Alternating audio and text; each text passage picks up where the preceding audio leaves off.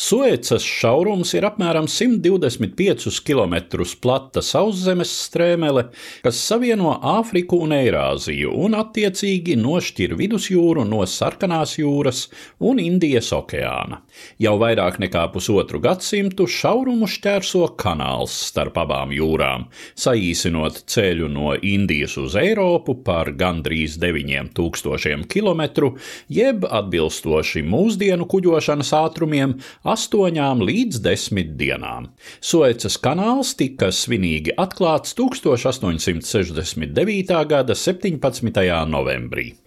Sengrieķu filozofs Aristotelis 4. gadsimtā pirms mūsu ēras, un viņa jaunākais kolēģis Strabons 1. gadsimtā pirms mūsu ēras min, ka kanāls no Sarkanās jūras uz Nīlas deltu rakts jau faraona Zozistrisa laikā, kurš pēc mūsdienu autoru ieskatiem valdījis senajā Eģiptē 19. gadsimtā pirms mūsu ēras, tātad pirms 4000 gadu. Persijas valdnieks Aleks Dārijs I, kura impērija bija pakļāvusi Eģipti 5. gadsimtā pirms mūsu ēras, atstājis liecinājumu par kanāla izbūvi piemiņas akmeņos, kas atrasti Eģiptes tuksnesī. Tomēr jau piesauktie sengrieķu autori, kā Zozistrisa, tā Dārija pasākumus min kā neizdevušos. Domājams, ja kanāli arī izrakti, tie bijuši lietojami vien samērā neilgu laiku.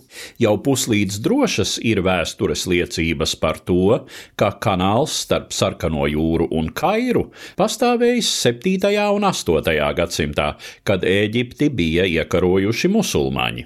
Šo senatnes kanālu paliekas tad arī atklāja franču arheologi, kuri ieradās Ēģiptē līdz ar Napoleona Bonaparta militāro ekspedīciju 1799. gadā.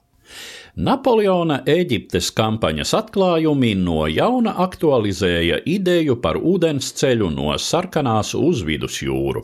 Eģipte tolaik bija Osmaņu impērijas daļa, taču vietvalži Kairā arvien noteiktāk raisījās vaļā no sultānu varas, tiekdamies kļūt faktiski neatkarīgi. Saiknes ar Eiropu viņiem bija līdzeklis kā Stambulas ietekmes mazināšanai, tā modernizācijai, un Eiropiešu uzņēmēji, finansisti un pētnieki bija Kairā laipni gaidīti.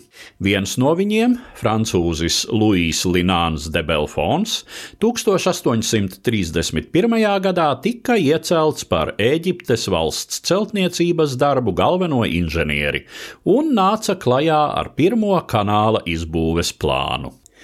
Nākamajās desmitgadēs idejai pievērsās vairāki eiropiešu inženieri un pētnieki, līdz 1854. gadā franču diplomāts Ferdinands de Lesseps saņēma koncesiju no Eģiptes vietvalža Muhameda Saīda pašā kanāla būves kompānijas dibināšanai. 1858. gadā Parīzē tika nodibināta Suecas kuģniecības kanāla kompānija un nākamajā gadā sākās rakšanas darbi. Sākotnēji pasākums nelikās diezko drošs. Kanāla būvēja visdažādākos šķēršļus centās likt Britu valdība, baidoties, ka jaunais jūras ceļš mazinās Lielbritānijas stratēģisko lomu reģionā. Tomēr projektu stingri atbalstīja Saīts pašā un arī Francijas imperators Napoleons III, un kad akciju tirdzniecību savā paspārnē ņēma Rothschildu ģimenes Francijas atzars, tās tika ātri izpārdotas, savācot vajadzīgo sākuma kapitālu. Lieki teikt, ka sākotnējie plāni izrādījās pārāk optimistiski.